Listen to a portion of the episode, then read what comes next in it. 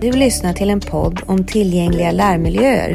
Vi som driver den här podden är specialpedagoger inom den centrala barn och elevhälsan i Sigtuna kommun.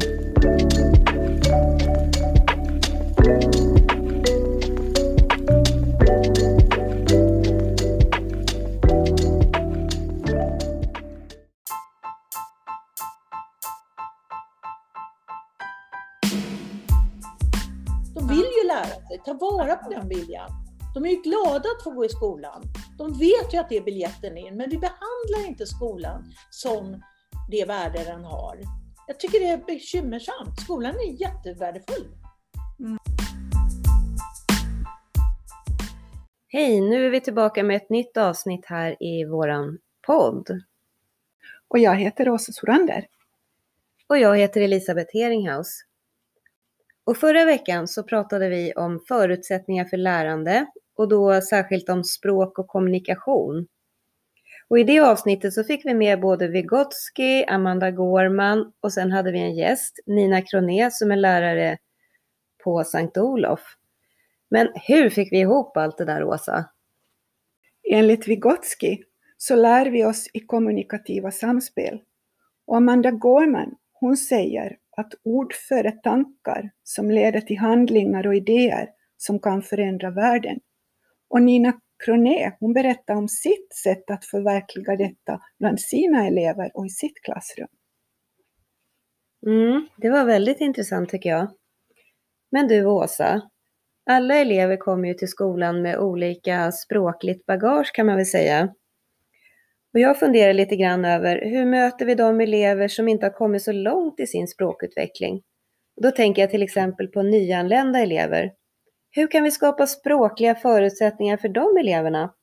Jag kan tänka mig att man som lärare kan behöva fundera en hel del kring hur man kan, ja, hur man kan anpassa och hur man kan möta och göra alla elever delaktiga i kommunikativa samspel.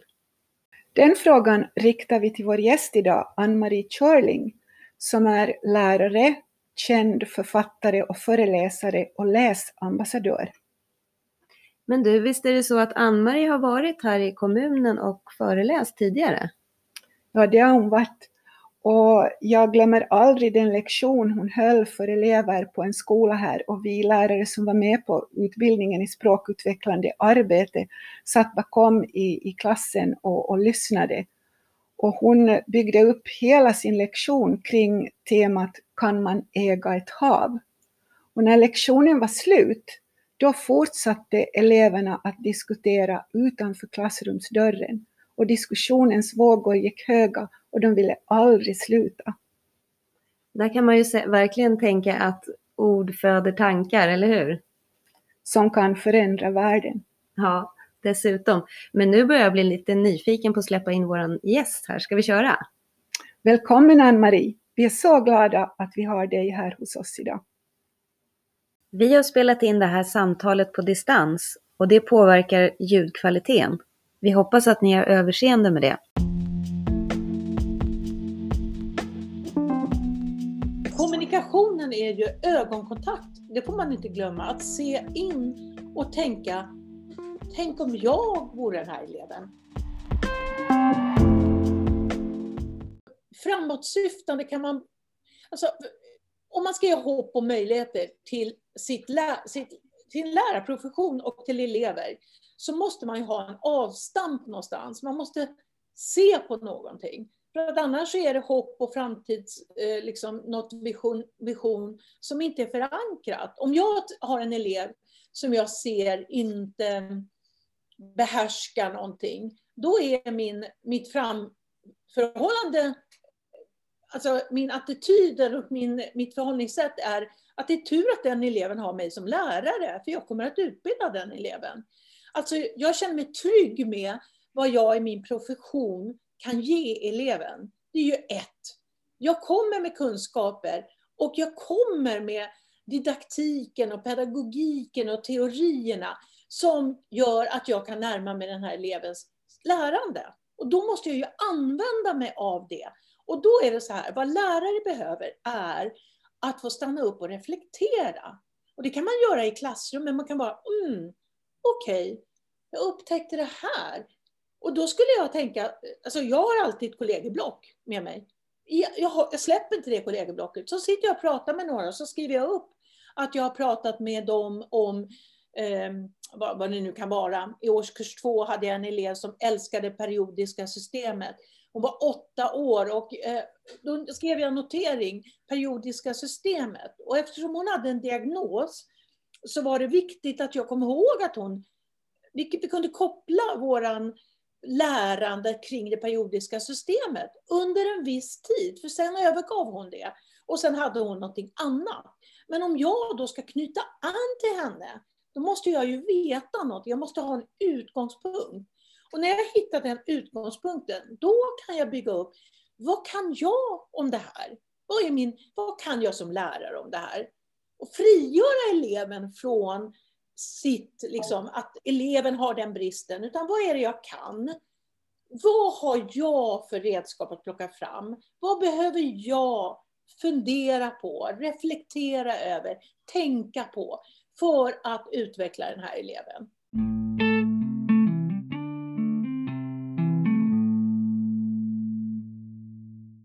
Och det är ett tankearbete. Och därför kan man säga så här att lärare behöver ju gott om tid att tänka. Och att tankeverksamheten är det som styr och leder utvecklingen i skolan. Inte ad hoc-händelser, inte känslor. Alltså att man reagerar jätte, vi måste göra något. Mm. Vi måste göra något till stress och känsloknutet. Vi behöver stanna upp här och börja tänka. Och då måste vi få göra det i den takt som det gör. För att om vi har en elev som har problem med ett ämne som, det är inte eleven som, eleven har inte fått tillräckligt så att eleven kan. Och när eleven inte har fått tillräckligt och eleven inte kan, då måste ju undervisningen vara det som reparerar det här. Och då kan man säga så här, åh, men jag har ju gjort det här så många gånger. Och så känner man skuld och skam och så att man är världens sämsta lärare. Men då är man ju, personifierar man ju sig själv. Jag är något, precis som eleven är något. Men vad är det vi har? Jag, eleven kan inte det här. Jag kan det här. Hur ska det här mötet se ut? Och då kan det behöva, alltså att reflektera över, men vänta nu, jag har en större bild än som lärare. Hur ska, hur ska jag nu använda mig av det här? Och varför blir jag så känslomässigt upprörd? Varför blir jag så bekymrad över, men vi har ju pratat om det här sedan i tvåan och nu går eleven i femman. Ja, men om eleven inte kan det i femman, så kan inte det. Det här samtalet leder ingen vart när vi håller på och bollar vem som skulle ha utbildat eleven. Det enda eleven har, det är att jag är elevens lärare, lärare och jag ser att eleven ännu inte kan det här. Det är mitt uppdrag. Mm. Och då är det så här, det gäller likadant med med elever som, som har ett annat språk. De kanske kan jättemycket, men just inte på svenska språket kan de uttrycka det. De kanske kan NO matematik, eh, matematik ganska ofta kan de och det är ett ämne där, där, där det matematiska språket är, alltså det är mest uppgifter som är med siffror och tal och uträkningar.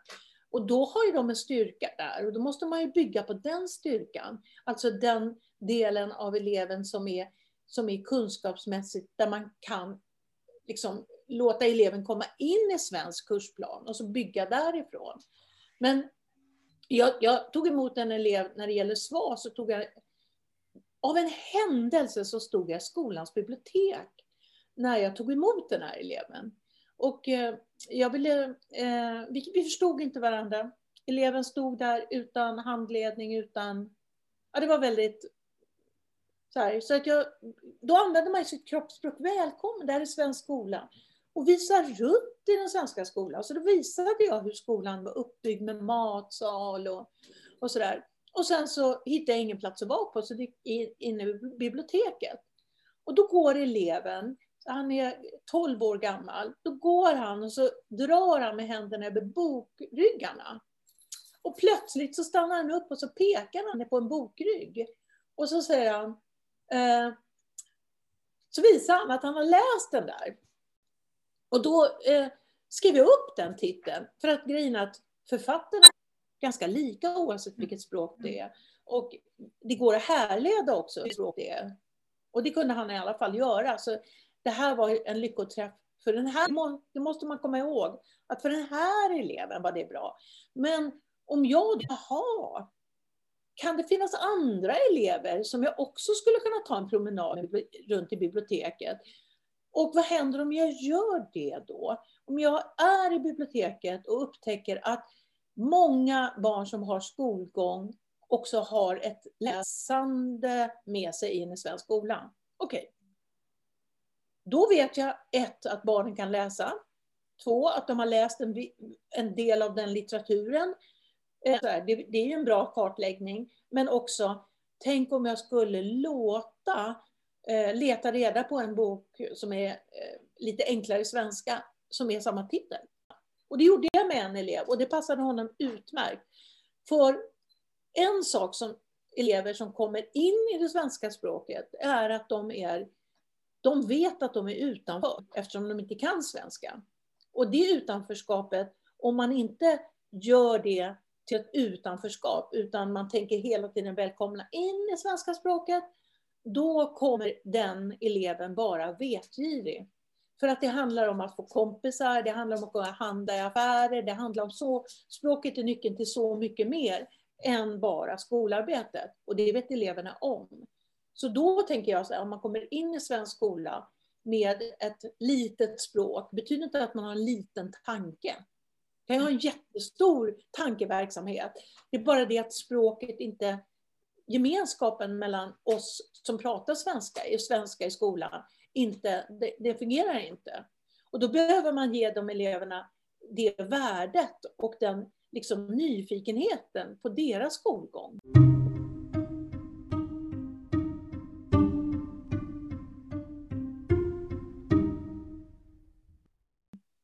Och nu är det så här, sen kan man säga att de, att de som inte har fått gå i skolan, som har flytt, jag har haft elever som har flytt i gummibåtar och liksom bara har överlevt en sån färd.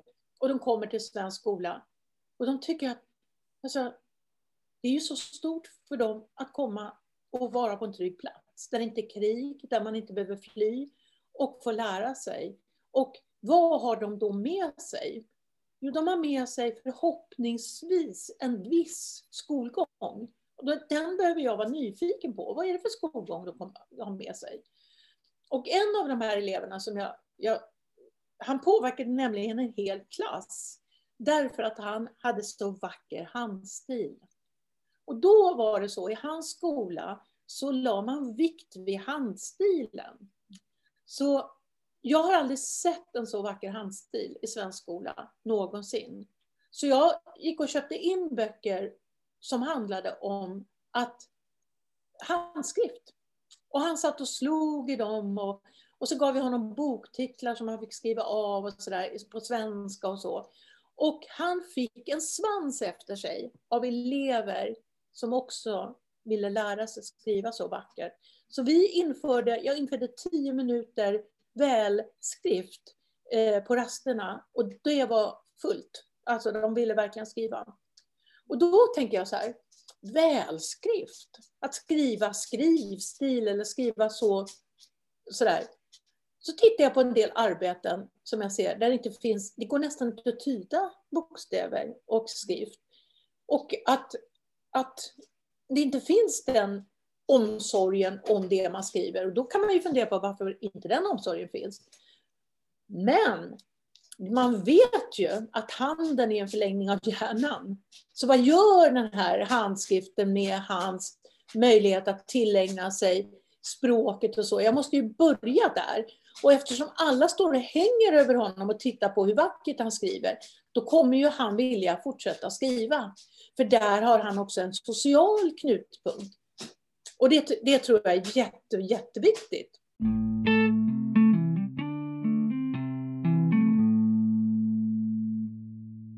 Och jag hade en elev som jag också fick till klassen. Och eh, det här är många år sedan. Och eh, eh, rektorn kom in, ni kommer få en ny elev. Och så hade de med sig eleven. Alltså, det hände från en dag till en annan. Och det, det berättar lite om hur skolan har det. Det är inte det är varken rektorns eller skolan tar emot de barn som kommer. Och det här barnet hade inte ett ord på svenska. Och hon skulle börja i klassen dagen efter. Och då, eh, när vi hade hälsat på henne, så sa jag, hörni, tänk att inte kunna ett ord på svenska. Vilka ord kommer ni ansvara Vilka ord är ni ansvariga för nu? Vad ska vi lära här inne tillsammans? Jag vill, och så funderar jag, vad, vad, vad skulle det första ordet vara för mig? Det blev ett sådant stort arbete i klassrummet där eleverna fick vara kommunikativa runt det svenska språket och värdera, liksom, vad skulle man lära den här eleven liksom för, för ord? Vad behöver den här eleven första veckan? Vad behöver den här andra veckan?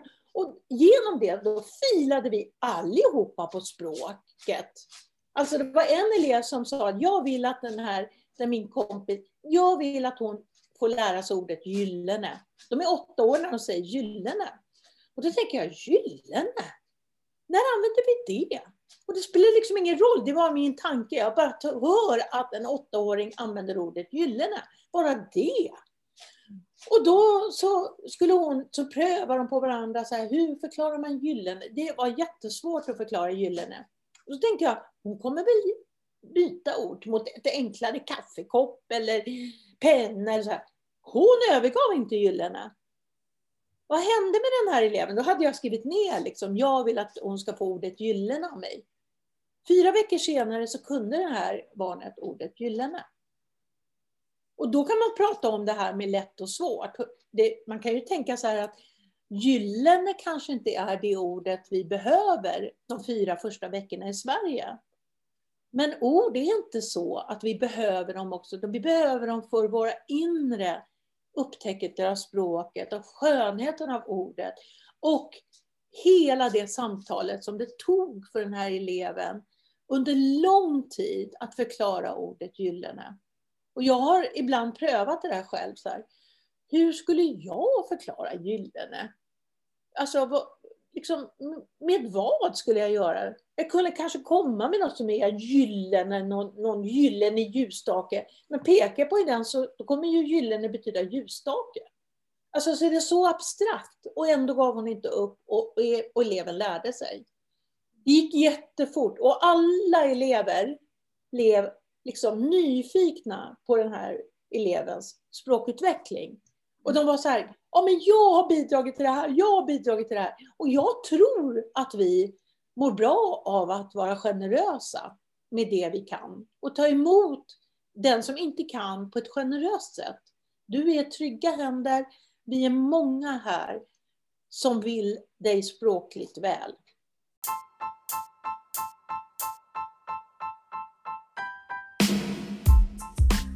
Ge det till eleverna, stå för det. De är glada för att börja skolan. Spännande, modiga är de också. Tack till er som varit med oss idag och lyssnat.